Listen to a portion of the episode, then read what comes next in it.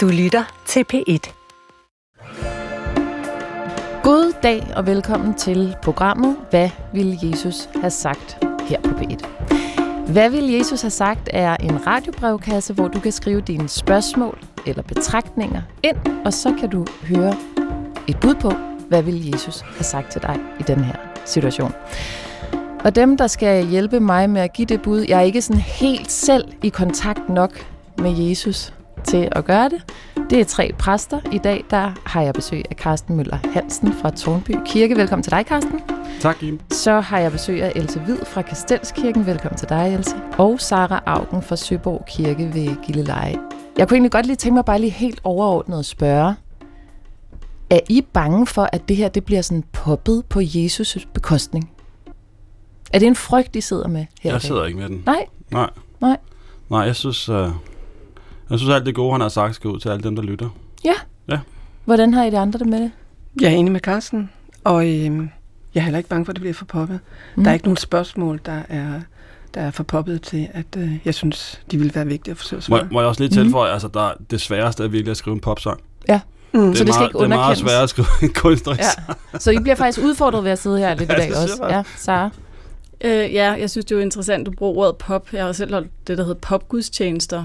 Og det er altså med prædiken og, og det der med at formidle og forkynde evangeliet. Og det er der noget, man kommer på arbejde med, så er det der at få lov til at tale et sprog, som alle kan forstå. Nu har og vi det er jo jo vores opgave. talt meget om Jesus, i hvert fald i kristne kredse i en del år. Hvad hvis han ikke har noget at skulle have sagt? Hvad hvis vi sidder her, og lytterne de har skrevet ind, og så siger man, jeg tror faktisk ikke, vi kan bruge Jesus. Hvad hvis vi Mm. finder ud af det? Er I bange Mm. for det? Nej. I stoler på ham? Nej, altså det kommer vi til at sige. Det her, det tror jeg ikke, Jesus ville Så det sker en have gang imellem? Ja, det gør det. Ja, men så er der også nogle gange en, det, man kan kalde en kristen tænkning, eller en altså filosofi, eller vores øh, kirkefædre, eller teologi, er jo talen om Gud. Og det er jo en samtale, der har været de sidste 2.000 år. Og den er vi jo stadigvæk i gang med. Så derfor er der også noget rigtig godt tanke- og afgods, man kan tage frem. Det her er altså, hvad vil Jesus have sagt på P1? Du kan skrive ind til jesus dr.dk. Jeg tænker egentlig bare, at vi skal hoppe ud i det med det samme, og så se, hvad, der, hvad, der, hvad han vil os, hvis han vil os noget. Kære Jesus, jeg er en kvinde på 29 år, der altid har fået at vide, at jeg vil få svært ved at få børn. Derfor bruger min kæreste og jeg ingen prævention. Og nu skal I høre, jeg er netop blevet kaldt til jobsamtale på mit drømmejob. Det er jeg virkelig glad for. Men to dage efter indkaldelsen finder jeg ud af, at jeg er gravid, og en scanning viser, at jeg er ni uger henne. Jeg har altid drømt om at få børn, og er lykkelig, hvis dette lader sig gøre, uden at vi skal i fertilitetsbehandling. Så alt er sådan set godt. Men jeg er i tvivl, om jeg skal fortælle min potentielt kommende arbejdsgiver, at jeg venter barn, eller om jeg skal lande jobbet og holde det skjult længst muligt. Hvad ville Jesus sige? Hvad vil du sige, Else? Jeg mener ikke at have læst nogen steder, at Jesus siger, at, øh, at det er helt okay at tage mere hensyn til sig selv end, øh, end til andre, tværtimod. Ikke? Men jeg har fået præcis det her spørgsmål af en ung kvinde, jeg kender godt. Som i egenskab af præst? Nej, Nej. Ja, jo, Jo. i min egenskab af præst. Okay. Hun, vi taler i telefon sammen, jeg kender hende rigtig godt, jeg kender hendes situation. Hun er i den her situation. Hun har fået det job, der er rigtigt og nødvendigt for hende i situationen her. Og hun er gravid. Mm. Skal hun sige det, eller øh, skal hun ikke sige det? Øhm, så, så, så jeg siger noget andet, end, øh, end, end det jeg egentlig øh, øh, læser. Jesus siger, du skal ikke tage mere hensyn til dig selv, end, end til andre. Jeg siger, øh, lad være med at se det. Tag jobbet. Etisk er det ikke nødvendigvis det rigtige, og det kommer hun til at leve med. Hun ved, det ikke er det rigtige etisk set.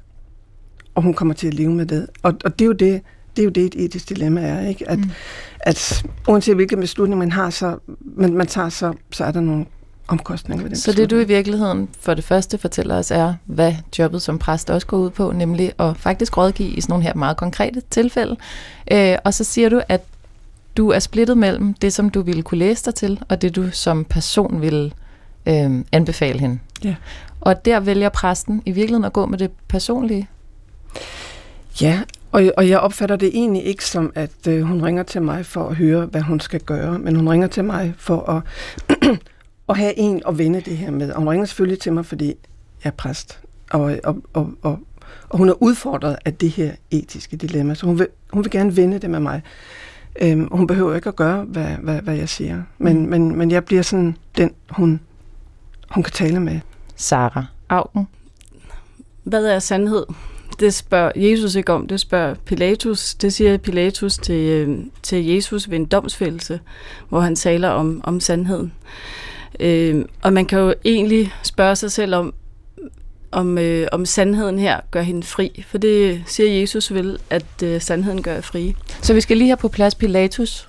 Pilatus er den, der dømmer Jesus til døden. Men det, der sker her i den her jobsamtale, altså i hendes, i hendes problem, det er jo, at det bliver sådan trukket ned til et individuelt, øh, en individuel ting, hvor at Jesus han taler om den universelle sandhed. Ikke? Og det er der, hvor alt bliver gennemlyst, og hvor alle mysterier og, og gåder bliver opklaret. Så, så i forhold til Jesus, der tror man på en endelig sandhed, og det er ham? Ja, det gør man. Det er jo der, hvor, at, øh, hvor alt, alt bliver, bliver opløst, og hvor, hvor er det rent. Ikke? Mm. Hvor det er rent. Og så er det jo så, at jeg tænker, at jeg øh, kom til at tænke på. En, en, et andet menneske, som jo har arbejdet meget med det her med moral og dømmekraft og etik, og så kom jeg til at tænke på Kant, som jo taler om det her med... At Der bliver du, også lige nødt til at få en Ja, han er, på, jo en, jeg, han er jo en protestantisk øh, moralfilosof, Immanuel Kant, og han taler om noget, der hedder det øh, kategoriske imperativ. Og øh, det er sådan, at han tænker, at man skal handle således, at grundlaget for ens beslutning altid kan gælde som princip for en almindelig gyldig lovgivning. Yes. Så det, hun skal gøre, det skal være det, der hjælper dem, der kommer efter hende. Det skal hjælpe alle. Hmm. Om end det så måtte blive et lidt satset, en satset handling fra hendes side af. Ja, øh, og det er jo en måde at løfte den her individuelle problemstilling til noget, der gælder for alle. Så selvfølgelig så skal hun ikke sige noget. Fordi det vil hjælpe alle, hvis, øh, øh, hvis ingen ved det. Og i øvrigt, så kan arbejdsgiveren jo ikke bruge den her oplysning til noget. Det er jo en anden ting. Det må de jo ikke. Og så jeg, hun skal ikke sige det? Nej, det skal hun ikke. Carsten Møller Hansen. Sig, sand sig sandheden. Øh, se, du er, er mega virkelig glad for det her job, men du er også blevet gravid. Og øh, du vil ønske, at det også er ikke kun et drømmejob i din forestilling, men også i virkeligheden, og de derfor vil beholde dig, hvis du får det. Og så skal du... Øh, så, skal du, så kan du gå ind i din graviditet øh, åbent og fred. Altså børn slår drømmejob. Jeg ved ikke, hvorfor jeg altid snakker om drømmejobs. Hmm. At mand eller, mand eller kvinde, så tror jeg, at børn slår arbejde. Hmm. Er det en forkert term, det der drømmejobs? Ja, ja, ja, det synes jeg. Jeg synes, jeg synes, det er en mærkelig ting, som om det helt store falder på plads, når du en dag får det arbejde der. Og det har du drømt om hele dit liv. Altså, det ved jeg ikke. Drømmen går jo nogle gange i opfyldelse, og nogle gange så finder man på nogle nye. Hvis man ikke får det job, så får man et andet job, og det blev så drømmejobbet. Så drømmene må ikke dominere så meget? Nej, det synes jeg ikke. Ja, virkeligheden er et barn i maven. Og er Jesus altid øh, fortaler for det, der sådan... Altså, vil man altid sige, at der er en sandhed, og er han så altid fortaler for, at den sandhed, den skal Altså lige her er der en sandhed. ja. ja. Det, men man kunne også bare sige, at det er mere bo, det er bonusinformation. Det er ikke... Ja, altså hun kommer jo ikke til at kunne passe det arbejde. Nej. Sarah? Når du er til en jobsamtale, så lyver du jo. Altså alle lyver jo til en jobsamtale. Øh, du har jo ikke stået og fortalt, at øh, du har rapset af kassen, eller øh, du er sådan en, der går rundt og scorer til julefrokosterne. Altså, øh, der er jo en masse ting af, af, af moralske øh, altså, øh, altså af, af moralske ting og sager, så, som vi jo ikke fortæller. Jeg har prøvet det. Mm. Jeg har prøvet til en jobsamtale at blive spurgt om, øh, om jeg ønskede børn.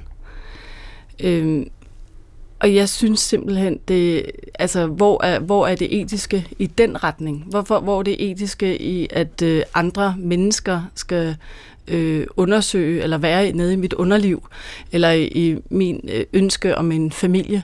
Jeg synes simpelthen, at øh, for det første er det ulovligt. Jo, man må godt spørge om familieforhold, men, øh, men det her med graviditet, det synes jeg simpelthen er så øh, personligt, og på den måde synes jeg jo heller ikke, det er, det er forpligtende. Hun er også kun i ni, øh, ni uger henne. Der kan stadigvæk gå, gå ting galt. Du kan stadigvæk abortere, du kan stadigvæk være en sorg.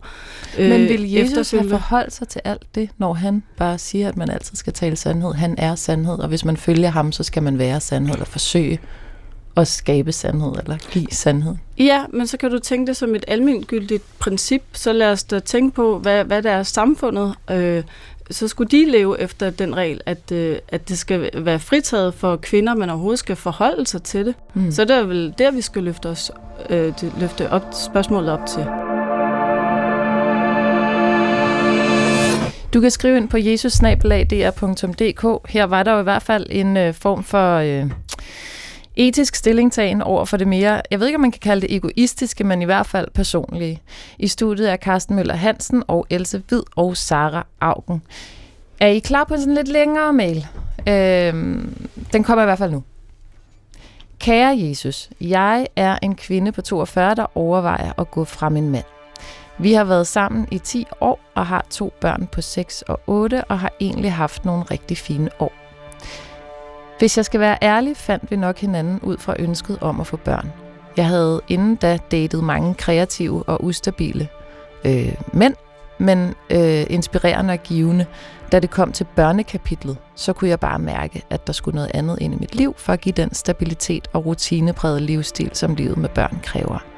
Selv er jeg et meget følsomt gemyt, særligt sensitiv, tror jeg, man kalder det, og jeg har brug for stabilitet og ro omkring mig.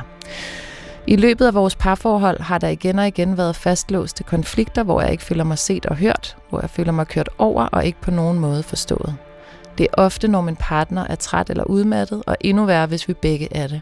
For når jeg bliver træt, så bliver jeg bange og angst og har brug for ham, og når han bliver træt, så mister han overskud og kommer dermed til at afvise mig, også på en grov måde. Disse konflikter har slidt på vores forhold, jeg har haft oplevelsen af, at jeg skulle leve op til at være stabil, praktisk mor og agere inden for min partners mere firkantede regler for familien. Som jeg dog omvendt også har nyt godt af gennem tiden. Nu er børnene blevet store, og jeg kan mærke i hvor høj grad han og jeg tænker forskelligt, hvor lidt udvikling der er sket hen over årene med hensyn til forståelsen og nysgerrigheden på mine mere følsomme sider, og hvor ofte jeg føler mig ensom i vores forhold. Jeg er af den opfattelse, at hvis vi kunne ændre det, der var sket, så ville det være sket i det, jeg er et sprogligt menneske, der gennem tiden har gjort alt, hvad jeg kunne for at forklare ham, hvordan jeg egentlig har det. Der har bare ikke været det store resultat. Jeg overvejer nu, om jeg skal komme videre i mit liv, eller om jeg skal forsøge at blive. Hvad ville Jesus sige? Else Hvid. Jeg tror ikke, Jesus vil sige ret meget, egentlig. Altså måske noget igen i retningen af, at du skal elske Gud og din næste, og din næste er en anden end dig selv. Dine børn for eksempel, din øh, kæreste. Øhm, øhm, det er i hvert fald næsten altid en anden end en selv. Så ikke så meget. Og jeg mener, vi, vi, vi går ikke, normalt går vi ikke, det er i hvert fald ikke særlig interessant at gå til de bibelske, bibelske tekster og spørge til, til, til samliv. Altså, Hvorfor hvor, ikke? hvornår og hvordan og så videre. Ikke? Fordi det, der står om ægteskab og samliv og køn og seksualitet, alle de der ting, er, er, er, er skrevet og, og sagt og tænkt i en kultur, som er meget anderledes end vores. Det kunne man jo godt synes er lidt ærgerligt, for det er jo en stor del af menneskelivet. Det er det. Og man kan også godt, kan man sige, altså man kan jo sagtens bruge nogle af de der ting og spille bold opad, ikke? Altså når vi har hvilelse, så, så, øh, så er der et citat i ritualet, som faktisk er et citat hvor, fra Matteus evangeliet, hvor, hvor Matthæus lader Jesus sige noget om skilsmisse. Ikke?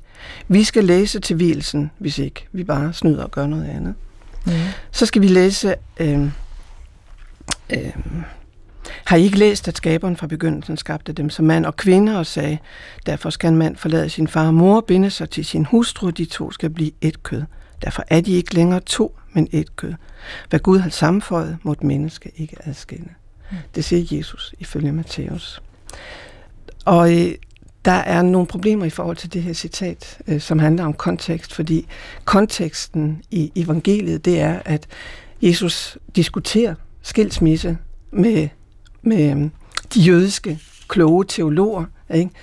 Og, øh, og han er formodentlig i en diskussion mellem, øh, mellem, mellem nogle kloge, som, som, øh, mellem nogen, som på den ene side er tilhængere af en ret stram praksis, en, øh, en øh, øh, rabbiner Shammai, som har stået for en meget streng, stram fortolkning af, af de der regler. Ikke? Og på den anden side en, øh, en rabbiner Hillel, som har stået for en meget liberal skole. Mm. Ikke? Øhm, og han bliver spurgt, de kommer hen til ham øh, for at sætte ham på prøve, skriver Matthæus, ikke? er det tilladt en mand at skille sig fra sin hustru af en hvilket som helst grund. Ikke? Så konteksten er en diskussion med nogle jøder, som, øh, øh, som på den ene side har været rigtig, rigtig øh, smarte i forhold til at, at lave nogle regler, som til gode ser øh, mænd i nogle situationer. Ikke? Kvinden har jo i øh, et stykke af vejen været mandens ejendom. Ikke? Så mm. tag en kvinde fra en mand osv. Ikke? Så, så det er den diskussion, øh, citatet er taget fra. Ikke? Mm. Det ved man jo ikke, når man hører det en øh, maj lørdag, hvor der er vins. Ikke? Der hører man noget helt andet. Og i den kontekst er det jo også en enormt provokerende, øh, et meget provokerende citat. Ikke? Hvis man tager hele konteksten. Nej, hvis man uden for konteksten i det hele taget er citatet øh, provokerende, og mange af os præster har foreslået, altså skal vi ikke finde noget andet. Halvdelen af dem, vi ved, bliver skilt, ikke? Mm. så skulle vi ikke. Mm. Så det er et eksempel på, hvor kristendommen i virkeligheden har svært ved at følge med det nutidige øh, samliv. Det er det her, at vi står og siger principielt i kirken, noget som man godt ved, at det kommer nok til at blive løgn. Jamen, og så vil jeg sige både over. Altså, jeg er faktisk blevet mere og mere glad for, at det citat alligevel er blevet i ritualet, fordi det bliver en god anledning til at tale om, nå, men, men hvad, hvad tænker I så egentlig om det her løfte, I giver hinanden, ikke? Øhm, og, og, øh, og, og, og nogen skal jo sige, at det er jo alvor. Altså, der sidder mm. 50, 60, 100 af de nærmeste venner og familiemedlemmer dernede og, og ser og lytter til det her, ikke? Mm. Øhm, jeg prøver faktisk at accentuere det ved at, øh, at stjæle et led, som jeg har med hjem fra øh, min tid, da jeg var præst i London.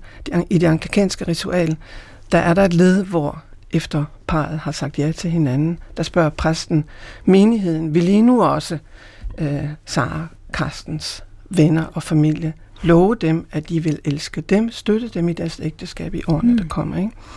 Okay, så, så man tager så, familien med ind i det? Så tager man, så, så, så tager man øh, ja, familien og vennerne med ind. Støt nu det her. Ja. Hjælp dem. Ikke? Ja. Det bliver svært og skilsmisse er ikke nødvendigvis den første udvej. Okay, så man tager, man, man, i, hvis man, nu skal jeg bare lige forstå, det, det her citat, som I skal bruge i kirken, kan godt være lidt svært, fordi man ved, at det, der er jo altså mange, der bliver skilt, så stå og sige, at det må man aldrig nogensinde gøre. Det kan virke en smule strikst og en smule fremmedgørende. Men alligevel er det på den anden side fint, fordi man ligesom betoner alvoren. Hvis ikke den er der, hvad er der så egentlig overhovedet? Men hvis man så måske kunne bløde det lidt op og sige, vi ved, det er svært. Vi ved, det kan gå galt, og derfor så skal vi have endnu flere med ind i det løfte. Vi skal have familien og vennerne til at bakke op om det, der sker. Vi skal have dem til at hjælpe øh, ægteparet med at holde deres løfte til hinanden. Så kan man måske tage lidt af ansvaret for det enkelte pars skuldre. Måske en god idé, men øh, ja. Jeg synes godt, man må beholde ansvaret. Altså, og, og jeg kan egentlig godt lide, at, at der er et sted, hvor man siger, der er et ansvar her. Lev nu op til det. Prøv at leve op til det. Ikke? Mm. Men, men, at man, øh, men at man deler det med, med, med sine venner. Ikke? Jeg synes ikke, man skal tage ansvaret væk, men, men man skal dele det Så ud. man skal i virkeligheden prøve at blive, og det støder jo sammen med den moderne tænkning, som ja. jo er mere, hvad, hvad, hvad kan jeg miste ved at blive i det ægteskab, og hvad kan jeg opnå ved at søge mine egne vegne? Ja.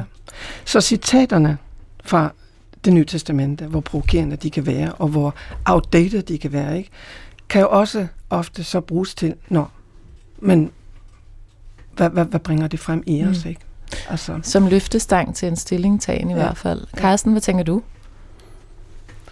Ja, altså, lige knytte et ord til skilsmisse. Altså, nogle gange så, så er det helt forkert, end nogle gange også det eneste rigtige at gøre. Øhm, det kan det blive til. Men jeg vil sige, han, Jesus siger jo faktisk noget om kærlighed, når han siger masser om kærlighed. Øhm, ikke så meget om kernefamilie, det er, så tror jeg sådan en nyere, moderne ting, vi har kørende. Øh, det var han ikke selv inde i. Men han havde noget en forestilling om, ikke kærlighed mellem en mand og en kvinde, men den der generelle kærlighed til alle. Mm. Altså for ham var det ikke, for, var familien alle. Derfor, derfor forlad din far og din mor, kom til mig. Vi skal alle sammen være venner i en stor kærlighed. Og det er den kærlighed, han altid taler om. Altså den der kærlighed, hvor man altid er i stand til at give noget kærlighed til den næste. Mm fordi man allerede på forhånd har fået den af ham. Og kvinden her, tror jeg, har, har glemt det lidt. Altså, hun, hun, hun har selv valgt den her mand, som hun så helst vil elske, hvis han var lidt noget andet, end han er blevet. Øhm, og der kan man sige, okay, har han gjort noget, det ved jeg ikke. Han har måske ikke gjort nok i hvert fald, men øh, det handler også meget om hendes egen følelse af, at han ikke lever op til det, hun gerne vil have. Og dermed bliver kærligheden for hende en følelse, som den anden skal indfri. Og det synes jeg er en, det synes jeg er en overromantisering af kærlighed, og det synes jeg egentlig også er en en ukristelig ting, hvis jeg må sige det på den måde. Mm, hvorfor er det ukristeligt? Jo, men det, det, det, det, det gør sådan, at den anden skal leve op til dig. Og du elsker dermed ikke den anden for den, den anden er, men for den, den anden skal blive til. Mm. Og det må være det modsatte, hvad kærlighed er. Altså kærlighed er sådan, at blive elsket, som den han er. Også selvom han ikke laver noget. Og ikke, også selvom han ikke forstår hende. Altså jeg, nu er jeg fodboldspiller, ikke? Og, og i omklædningsrummet sidder vi 13 mennesker, der som regel ikke forstår, hvad kvinden vil have os til at forstå. og derfor bliver vi ret længe til fodbold, ikke? Altså, vi, vi, kom, vi, vi ikke hjem og så videre. Altså, men det er også meget for langt, synes jeg, at en kvinde lige pludselig siger, hvorfor forstår du mig ikke? Altså, jeg har aldrig forstået det. Jeg er altid den, jeg har været. Hvorfor har du ikke udviklet det? Jamen, du har ikke ladet mig udvikle. Altså, du har ikke sat mig fri til at udvikle mig. Mm. Altså, du vil have mig til at være noget bestemt. Og så bakker han af. Ikke for at forsvare ham kun. Uh, men altså, han bakker af, fordi han, du ved ikke, det kan han ikke være i. Så hvis man skulle følge en kristen tankegang på det her moderne ægteskab, og jeg synes egentlig, det er meget interessant, du siger, måske kunne Jesus ikke sige så meget om samliv, siger du, Else, men han kunne jo i hvert fald sige helt vildt meget om den store, mere generelle menneskelige kærlighed, eller ja. den måde, vi skal elske på for at ære Jesus, ja. øh, som er, at så længe at du er et menneske, så er du elsket for det alene. Ja, og så så, så skal hun ellers... Og det kan vel oversættes til ægteskabet? Ja, det kan man sagtens. Det synes jeg. Det, de to ting er ikke, øh, det er ikke to mm. forskellige ting. Nej. Nej, slet ikke. Det er jo det bare at tage også, den kærlighed om før, altså ind altså, i ægteskabet. Ja, ja, præcis. Mm. Det er jo egentlig meget smart i forhold til, hvis I gerne vil forsvare, at vi overhovedet bruger Bibelen i vores dag, hvilket I jo gerne... Ja, det synes jeg. Jeg synes, det passer perfekt til, en, uh, altså, til, til et bryllup. Ja, okay. Ja, det synes jeg. Sarah? Jeg elsker hvilesesritualet i og med det i tale sætter, at det også er svært allerede på, øh, altså fra første sekund, så står vi og taler om medgang og modgang. Det er jo ikke fordi, at man øh, stikker hinanden blå i øjnene om, at bare fordi man gifter sig, så bliver livet nemt. Det bliver faktisk et talesæt. Det er også svært. Det er besværligt. Og man, jeg mener, at øh, altså, ulykken for alle ægteskaber, eller noget, der virkelig gør det slidsomt, det er der for børn. Øh, og og det, er jo, det er jo øh, et vilkår, som, som mange familier må leve i derfor er det jo også, når man siger ja til hinanden, så er det ikke kun ja til hinanden foran alderet eller ved rådhuset. Så er det jo noget, man bliver nærmest nødt til at gøre hver eneste dag. Man bliver nødt til hele tiden altså at sige ja til hinanden. Øh, jeg har tænkt på et citat, som jeg selv bruger rigtig meget øh, øh, fra, øh, fra Søren Kierkegaard øh, i Kærlighedens Gerning, og det lyder sådan her. Det er ikke opgaven at finde den elskelige genstand, men opgaven er at finde den nu engang givende eller valgte genstand elskelig. Kærligheden skal altså ikke søges i den anden, men allerede være til stede i mødet med den anden. Mm. Og for mig er det jo sådan en, en god reminder om, at jeg skal jo ikke lave det her om, men jeg bliver jo simpelthen nødt til at insistere på, jeg vil jo gerne det her, det har jeg jo sagt ja til, og jeg har aldrig mødt nogen mennesker, foran alderet, som står og tænker, jamen vi bare holder bare, det holder bare i fem år. De tror jo vidderligt, altså med hud og hår, og siger ja til hinanden, altså i det her øjeblik. Men det er jo bare en gentagelse gang på gang. Og der er det måske en, en åbning for at se, at, at, at du skal ikke lave det om, men du skal prøve på at finde genstanden elskelig. Mm. Og det er jo faktisk rigtig sjovt at høre fra en præst det her, fordi udefra set, så kirkebryllup er det mest romantiske, man overhovedet kan gøre med hinanden. Og i virkeligheden går man ind i det der Guds hus for at få at vide, at sådan, det bliver hårdt, mm. det bliver svært, det bliver kedeligt. Ja. Så i virkeligheden er det jo, når man kigger ned i ritualet, ikke sådan udelukkende mm. øh, romantisk. Else? Ja, om, om man, man svarer jo ikke ja til, om øh, man tror, man kan elske mm. ham der selvom han ikke udvikler sig, som man synes, han skal. Man svarer faktisk ja til, at man vil. Ja, det er ikke? Også på de der dage, forskel på, også på de dage, man ikke kan. Der er en forskel på ja. viljen, og så på at kunne love, at selvfølgelig gør man det. Man det lover at have viljen. Ja. Jeg bliver bare nødt til, så I er sådan ret utvetydigt, men jeg bliver bare nødt til at sige, som moderne kvinde, øh, måske også som moderne mand, der vil jo bare altid være den der tanke af, det, det lyder meget banalt, spiller jeg mit liv, går jeg glip af noget. Er der noget, der bliver taget fra mig? Kan det være skadeligt for mig at blive i ægteskab? Her taler vi ikke om vold og øh, så videre, men kan der gå noget af mit liv, som er for stor en pris at betale i forhold til, at jeg har sagt ja til at forsøge at elske denne her person for evigt? Karsten?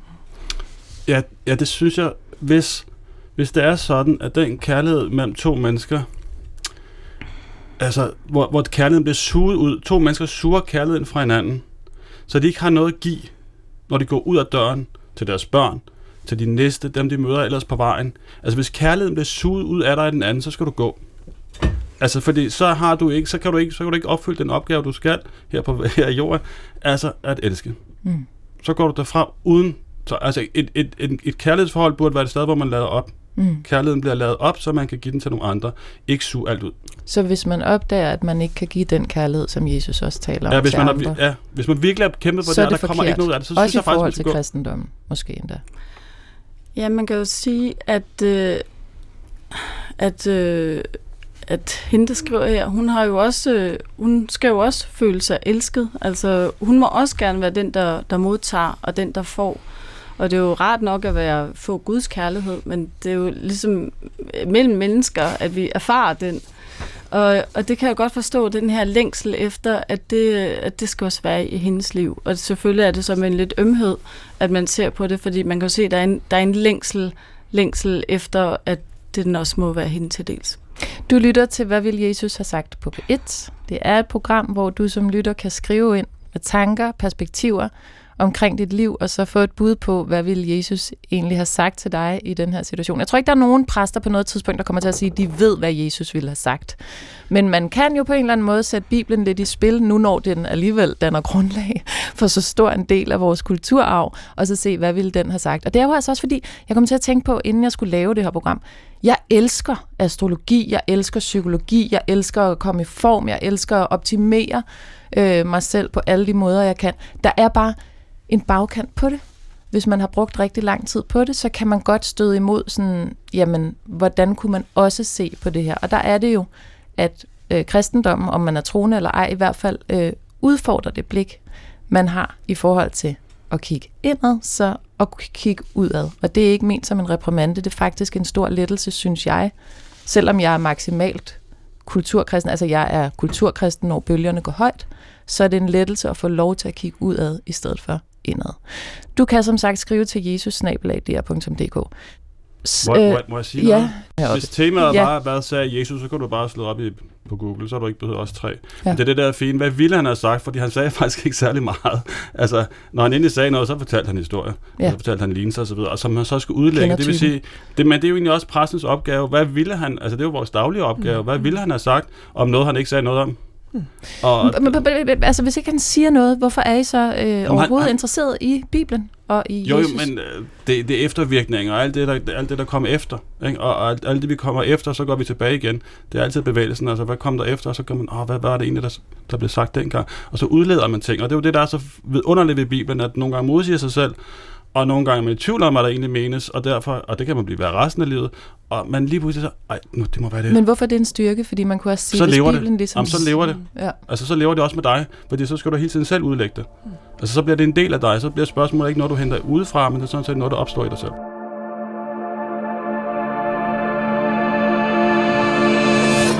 Kære Jesus, min mor fik i oktober konstateret en tumor i buhulen, som har spredt sig til alle vitale organer. Nu ligger hun på hospice, og jeg har taget sygeorlov for at være der for hende. Hun og jeg har ikke altid haft et ukompliceret forhold, men det er som om, at med dødens indtræden, så kommer der en uforudset fred i vores relation. Mange ting er ligegyldige nu, blandt andet tidligere konflikter, og for at lande vores fælles historie bedst muligt, har jeg besluttet at gøre alt, hvad jeg kan i denne sandsynligvis korte periode. Hvad er det vigtigste at huske, når man følger en elsket til dødens port? Hvad tror jeg, min bror, min mor har allermest brug for? Hvad vil Jesus sige? Karsten. Altså, jeg tror, at Jesus vil sige, nu skal du sætte dig ved siden af din mor, der skal du blive siddende. Og, og så skal du ikke begynde at spørge, om hun har taget sin medicin. Eller du skal, du skal ikke lege mor for din mor i den sidste tid, i håb om, at I får et par dage mere. Altså, jeg, jeg, tror, jeg tror, det er mit indtryk, at de, de fleste mennesker, der kæmper for, at deres forældre skal sådan set leve lidt længere, de fortryder det, at de ikke bare bliver siddende. Og, altså, var der i den tid. Også selvom det er svært, også selvom man ikke har lyst til at sidde der. Jeg synes, det er faktisk det smukkeste at blive siddende. Og det handler om ikke at gøre noget, men at blive. Ja, blive siddende, det er det, der er svært. Og hvad i forhold til Jesus giver dig fornemmelsen af, at det var det, han ville have sagt? jeg- Hvordan gør han det? Jamen, han, han sagde, jeg, jeg vil være med alle dage indtil verdens ende. Ikke hvor langt, det, det, hvornår enden kommer, men indtil verdens ende. Og det synes jeg egentlig også, vi skal være for hinanden. Jeg vil være der. Det skal han jo fortælle sin mor. Else? Det er et godt spørgsmål, Katrine stiller, øh, og der er mange, der spørger præcis sådan. Er der mange, der spørger i din øh, kirke? Eller? Ja, det er der. der. Der er mennesker, der spørger sådan. For vi har svært ved at være med døden. Ja, ja, det har vi. Og vi har også svært ved at finde ud af, hvordan, hvordan bliver den sidste tid så god. Ikke? Altså, jeg sidder lige nu, og det gør rigtig mange andre præster, som snart skal prædike over en, øh, en bestemt fortælling fra, det er igen Matthæus evangeliet, det er kapitel 8. Det er en helbredelsesfortælling, ikke? Jesus helbreder to mennesker. En lam, som kommer hen til ham og spørger, herre, hvis du vil, kan du gøre mig ren? Og det vil Jesus. Der kommer en officer og siger, min tjener ligger lammet derhjemme og lider forfærdeligt. Og Jesus siger, jeg vil komme og helbrede ham. Øh, og officeren siger, ah, men det behøver du ikke, det er nok, hvis du bare siger et ord. Og så siger Jesus et ord, og hans tjener bliver helbredt. Og jeg tror, de fleste præster har det, som jeg, at de der helbredelsesfortællinger, de er svære. De er enormt provokerende, fordi det er ikke, det er ikke sådan, vi, vi, vi oplever det. Og den her tekst er, er ydermere provokerende, fordi at den forbinder tro og hel, helbredelse. Mm. Ikke? Mm. Altså, øh, den lamme roses, fordi han rækker ud efter Jesus. Officeren roses for sin tro. Jesus siger lige frem, så stor en tro har jeg ikke, øh, har jeg ikke mødt hos nogen i Israel. Mm. Og den der, øh, jeg forstår, det at række ud, det er tro. Så langt er jeg med, ikke? Række ud efter, i tillid til, at han hører, han vil noget, ikke? Men, men, men, men at troen øh, skaber helbredelsen, eller at helbredelsen er et resultat af troen, ikke? Det kan jeg ikke, det kan jeg ikke øh, godtage. Nej, det er måske lidt problematisk i hvert fald. Det er enormt provokerende. Altså, øhm, jeg havde en morbror, som øh, var meget syg. Det var min egen far også. Øh, og vi troede alle sammen, at min morbror var ved at dø. Ikke? Når man så vender det, og øh, han bliver, om man ikke rask, så vender han i hvert fald tilbage til livet og får nogle flere år. Ikke? Og, øh, og min tante pralede vidt og bredt om, øh, det var fordi, nogen havde bedt for ham. Ikke? Mm. Og min far kiggede på mig og sagde, men altså, hvorfor bliver jeg så ikke rask? Ja, det er lige det. Og jeg sagde til ham, prøv at høre, hun praler. Lad være med at tænke på det. Ikke? Jo, Hun for det kan, det kan jo tolkes som om, at nogen er bedre, bedre stil, eller fortjener mere at overleve. Nogen har nogen, der er bedre til at bede end andre, ikke? Jo. Altså, Eller man, nogen er bedre troende end andre, og derfor bliver de Absolut. helbredt. Og det er så trist at tænke på dem, man Absolut. har mistet, så tænke, Absolut. de var ikke... absolut, om, om, om, om min tante var, øh, var ikke i tvivl om sine evner i, i den retning. Ja. Så, så jeg mener virkelig, at hun, hun pralede der, ikke? Så, så, så de, de, er, de er svære at have med at gøre, de her helbredelsesfortællinger, synes jeg. Det, jeg ser øh, i fortællingen, det er Jesus solidaritet med de syge, det syge og isolerede menneske. Han holder fast i, i sit menneske, også når verden omkring ham smuldrer, sådan som det gør, når man er syg eller føler sig fremmed i verden. Ikke? Fuldstændig ligesom Katrine holder fast i sin mor. Det er det vigtigste. Det er det, hun skal. Mm. Øhm, så det du siger, er, at bare det alene, at han er med det syge menneske, med den døende, øh, og ønsker det gode, det er ligesom det, vi skal gøre. Jeg vil så også nogle gange sige, at I præster er sådan meget positivt stemt over for det, der bliver sagt i Bibelen. Altså, eller for, i hvert fald altid kan komme med en undskyldning for, hvorfor der står det, der står. Mm. Jamen, det er rigtigt. Nå, men Han mener noget I skal bare, ja, I skal bare ikke tage de sidste 20 procent med af den her fortælling. Så virker den i dag. Mm. Altså, det, man kan, det kan også blive... mås- Måske kan det bare ikke bruges. Eller ja, hvad? sagtens. Jo, opgaven er, og øh, altså selv, selv de steder, altså vi ved jo, teologerne ved godt, for eksempel citatet med skilsmisse, det her, altså hvor, hvor, hvorfor vil Matthæus have Jesus til at citere noget om skilsmisse? Hvorfor vil han have ham til at fortælle den her fortælling? Ikke? Matthæus har en hensigt med det, og, og som teolog ved man en hel masse om, hvad er det, Matthæus vil? Mm. Hvem Som er er det? ham, der har skrevet det evangelie, ja. hvor den tekst Hvem er. skriver han til, og hvad er hans hovedbudskab, hvad er hans hovedærne, hvem er hans modstandere? Mm. Og kigger på de det der ting, historisk sikkert også, ikke? Jo, jo, helt sikkert. Alle de der detaljer kender vi. Så rigtig mange af de historier kunne man bare sige, nå, altså, det er gammelt og, og så videre. Ikke? Mm. Men, men, men opgaven som, som præst, og, øh, og det er jo også derfor, at, at, at, at mennesker stiller os de her spørgsmål, når man er der mening selv i det her. Mm. Ikke? Og der kan man sige, hvis man skal blive der til verdens ende for hinanden, eller man skal blive der med den syge mor, der er i det her tilfælde, det kan jo godt lyde meget enkelt. Jeg skal bare sidde der. Ja. Det er også det, der er det sværeste. Og så skal du mm. tale om livet. Ja. Når døden mm. er tæt på, så mm. skal du tale om livet. Mm. Okay. Er det noget, man ved som præst? Det er jo rigtig godt at tale om døden, men det er lidt nemmere, øh, når den er lidt længere bort.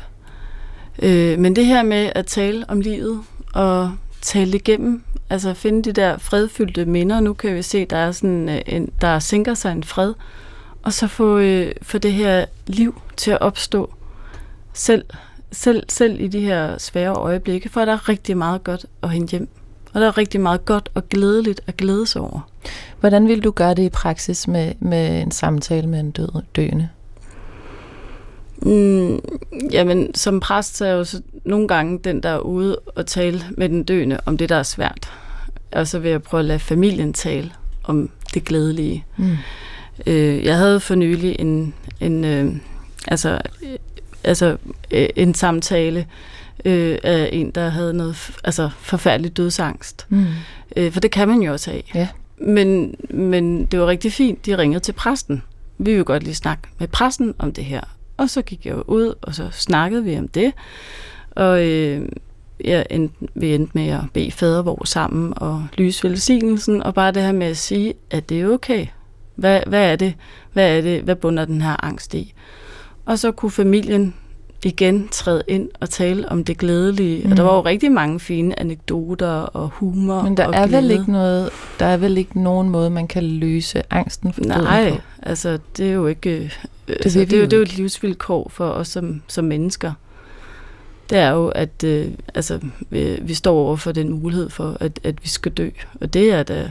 Øh, altså på den måde, det, det, det opstår lige, når vi bliver født, ikke? Men jo længere døden er væk, jo mere kan vi tale om den. Og jo tættere den er på, jo mere skal vi huske at tale om livet. Jeg synes i hvert fald, det er vigtigt at huske at tale livet frem. Også i døden. Og det gør vi jo også ofte øh, til en begravelse øh, eller en bisættelse. Når vi holder en tale, så er det jo livet, vi hylder. Øh, og det kan man jo også gøre med, med den, der er ved at dø, inden de dør. Mm. Hvad, hvad kan I egentlig bedst lide at have de her tunge samtaler med jeres, det hedder jo sovnebørn, eller de der glædelige, som er dåben og brylluppet? Og... Men altså, de er jo begge, hvis jeg må begynde at svare, så, så er de jo, øh, de, de rummer jo begge dele. Når vi taler om en dåbsamtale, eller når vi har en dåbsamtale, eller når jeg har en dåbsamtale, så er det jo, kan det jo lige så godt være, at der har været komplikationer i graviditeten, der kan have været meget håb og længsel inden, der er mange, der har mistet, øh, inden de når at, at, at, at træde frem med der, deres barn. Ikke?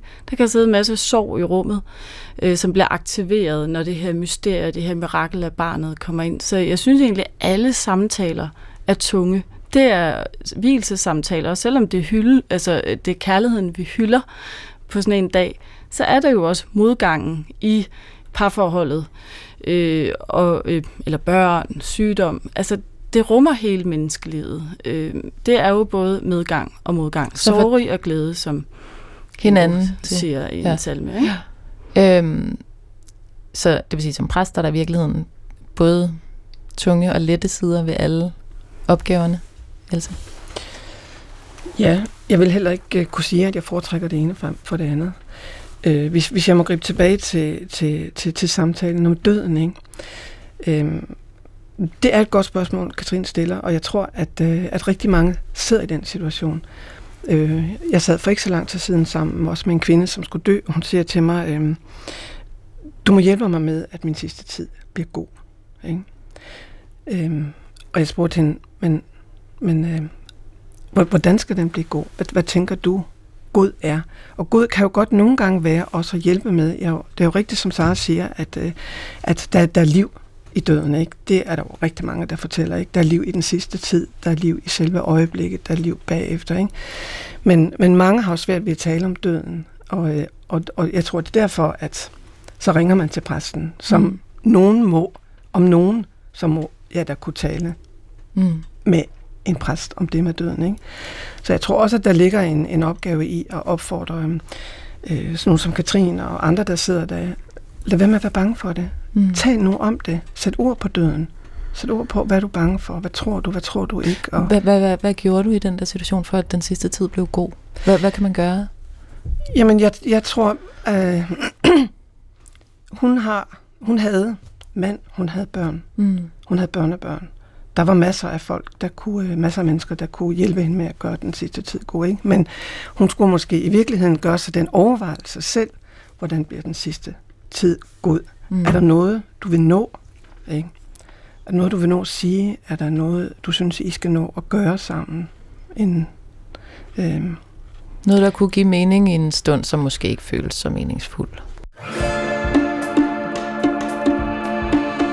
Kære Jesus, jeg er en mand på 52, der er delefar for min elskede søn på tre år. Jeg blev skilt fra barnets mor i en relativt udramatisk skilsmisse for to år siden. Moren har en ny kæreste og en nyfødt, og de lever det søde kernefamilieliv. Det kan jeg til gengæld godt mærke trigger mig.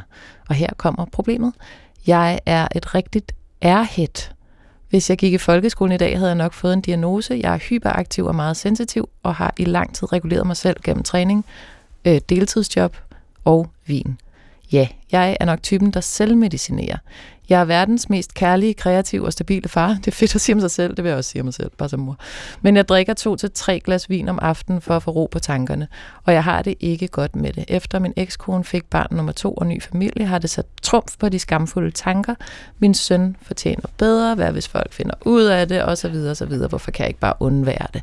Jeg ved godt, at to glas ikke er meget, men det er ritualet, der bekymrer mig mere end på millen det, at min ro er afhængig af en flaske. Det vigtigste for mig er, at jeg er helt den samme person for min søn uge efter uge, og jeg har samtidig ikke mod på at ændre mine vaner, for det kører på mange måder rigtig godt, som det er lige nu. Hvad vil Jesus sige? Karsten? Ja, han vil sige, at du skal ændre dine vaner.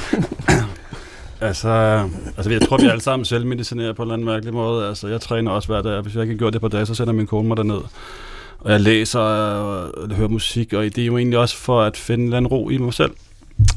Uh, hans ting er bare, at han finder roen ved alkohol, som så nogle gange bliver en indbildning om, at jeg er faktisk den far, jeg kan godt være den kærlige far, som barnet godt vil have. Og der er jeg bange for, at det er, bliver til noget, han ikke forstår, at barnet faktisk ikke vil have. Mm. Altså, det tror jeg, de fleste, der drikker lidt for meget, overser, at børn faktisk fanger den meget hurtigt, og det er ikke et hjem for et barn. Mm. Øhm, så han skal ændre sine vaner. Og hvorfor vil Jesus sige det? Ja, fordi han, han har brug for noget andet for at være sig selv. Mm. Altså, han kan ikke være i det. Han kan, ikke, han kan ikke bare være det. Altså, han kan ikke finde roen med sig selv, med sit barn, og derfor har han nødt til at drikke. Altså, det, det tror jeg, han, Jesus ville sige, så er der et eller andet ved dig, som ikke er, som det skal være, og det må du simpelthen arbejde på, og derfor skal du ændre lidt. Mm. Else? Altså, jeg kan så godt lige at forestille mig, at, øh, at Jesus vil spørge ham, øh, har du rundet ned? når du siger to-tre glas. Sådan som de fleste af os gør, når lægen spørger til vores øh, daglige alkoholindtag. Ikke? Fordi der er forskel på, om det handler om, om et glas eller to, eller om det i virkeligheden er det meste af flasken, eller flasken, eller måske endda noget mere. Fordi hvis det er det, det er, så, øh, så, så, så går det ud over hans næste, mm. som er hans barn, hans ekskæreste, øh, ekskærestens mand, deres nye barn, alle omkring ham. ikke. Mm. Så, så øh,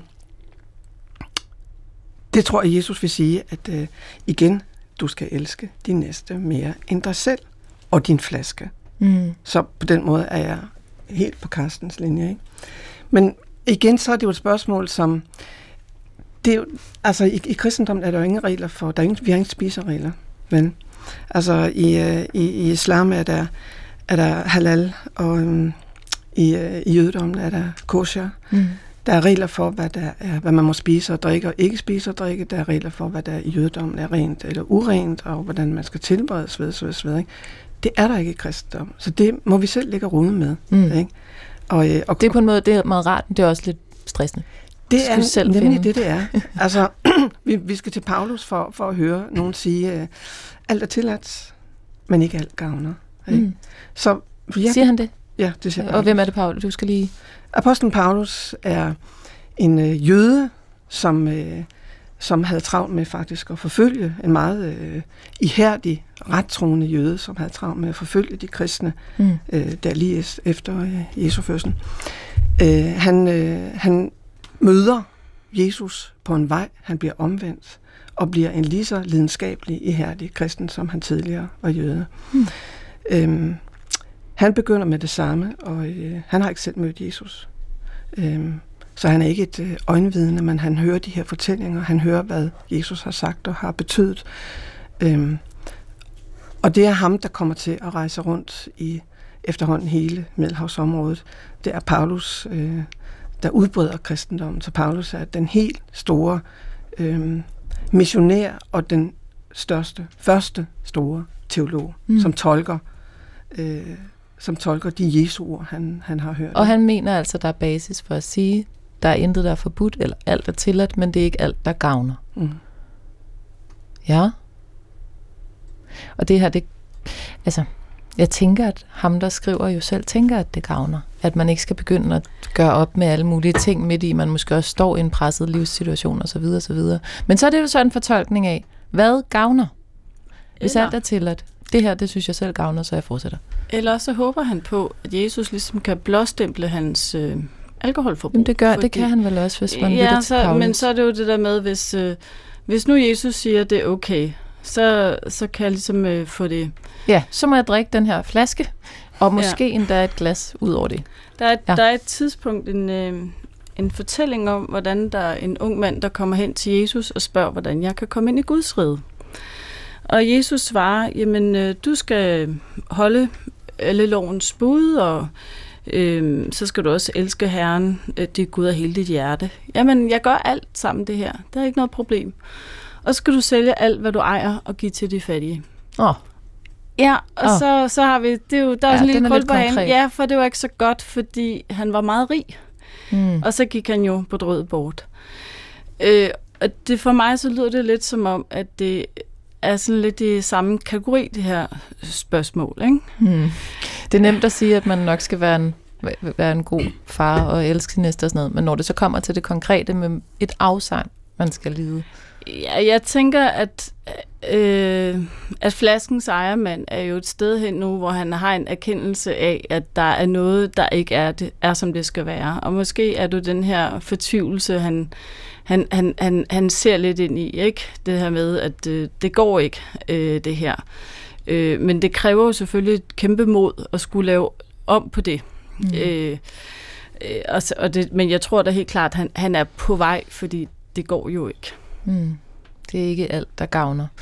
Det her, det er, hvad vil Jesus have sagt på P1. Du kan skrive ind på jesus-dr.dk. Det kan du faktisk. Det er sådan en radiobrevkasse, du kan skrive. Det kunne godt være, man vil have øh, svar på et meget konkret spørgsmål. Det kan også være, at man egentlig bare har brug for et andet perspektiv. Det er jo ikke altid, man kan omsætte det fuldstændig en til en, men man har brug for at høre nogle tanker, som man ikke selv ville være kommet på. Det kan øh, virke forfriskende. Hej, Jesus, jeg er en kvinde på 47. Det er det sidste, vi når i dag. Jeg har et lægehus der, hvor jeg bor, og det er her, jeg går til læge. En af lægerne er vanvittigt dejlig. Sådan. Det kan jo godt ske, Karsten. Ja, det var min engelsklærer i gymnasiet virkelig også. Jeg hørte virkelig godt efter. Jeg fik Præcis. virkelig gode karakterer. Det kan jo Der er godt virkelig ske. noget godt ved tiltrækning. Seriøst. Ja, det gør noget godt. Det, øh, og det er egentlig ret dejligt at tænke på, mens man sidder herinde i studiet og prøver at gribe ned en super gammel bog. At der er også et lægehus ude i virkeligheden, hvor nogen bliver forelsket i deres læge. Øh, Jeg har altid booket tid hos ham, hvis det er muligt. Altså til de ting, der ikke kandiderer noget uschammerende. Hvad kan det egentlig være? Hvad, er, det en, Ja, det sad jeg også og tænkte over. er, det forstu, er det en forstuet, forstuet hånd, vil jeg gå med til denne læge? Ja, men, øh, Stafylokokker på numsen vil jeg Ja. ikke gå til lægen med. Hemorrhide? jeg, Den vil jeg ikke gå til det. Jeg tror, alle har billeder inde i hovedet nu, hvad det kunne være. Du synes ikke, vi skal fortsætte den uh, liste? Vi har overhovedet heller ikke tid til det, så jeg går lige videre her.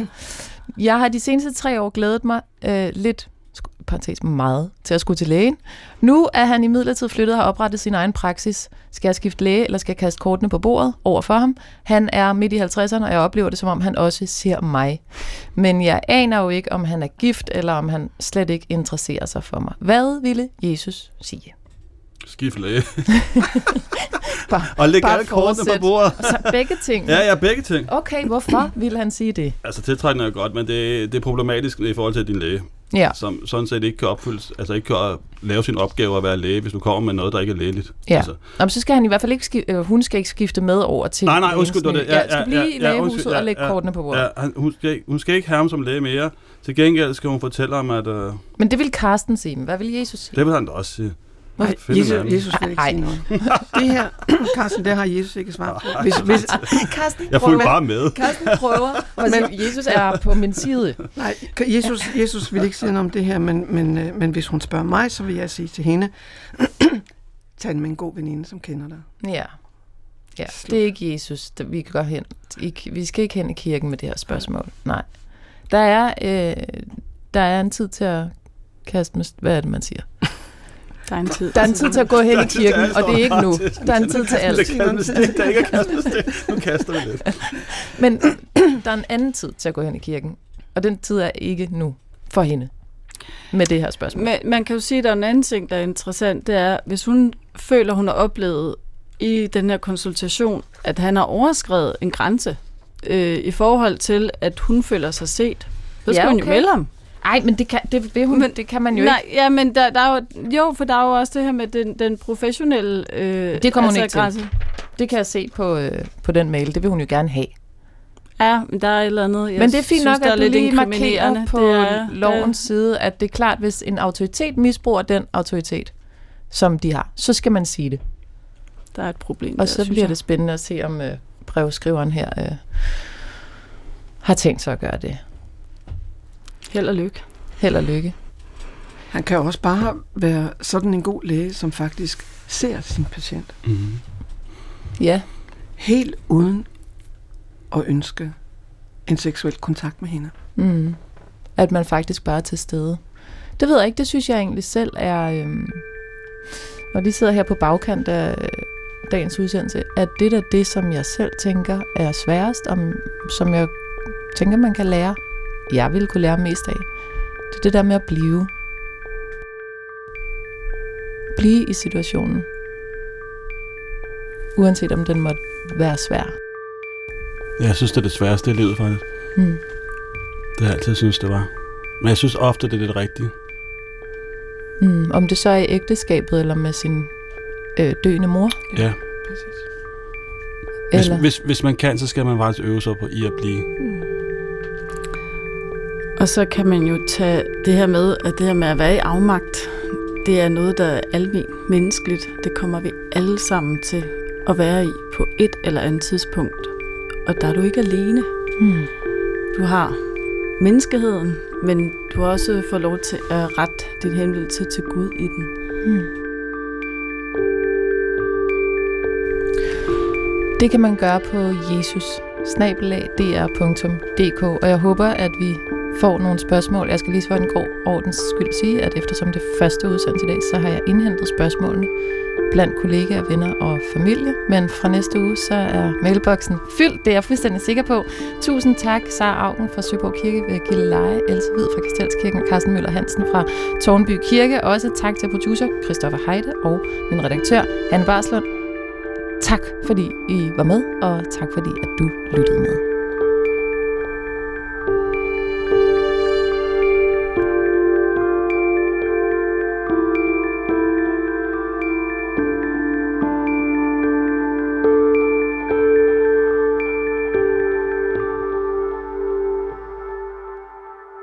Det her, det var altså første udgave af programmet Hvad ville Jesus have sagt på V1? Jeg hedder Iben Maria Søjden, og det er jo et program, hvor vi i virkeligheden forsøger at finde ud af, om Jesus overhovedet har noget at byde ind med i vore dage. Du er meget velkommen til at skrive til mig, og så vil jeg bare sige, at vi sender jo hver søndag her på P1. Det gør vi kl. 11.03, og så kan du jo altid gå ind i din app og downloade programmet, hvis det passer dig bedre at høre det på et andet tidspunkt. Jeg håber, vi lyttes ved. Ha' det godt så længe.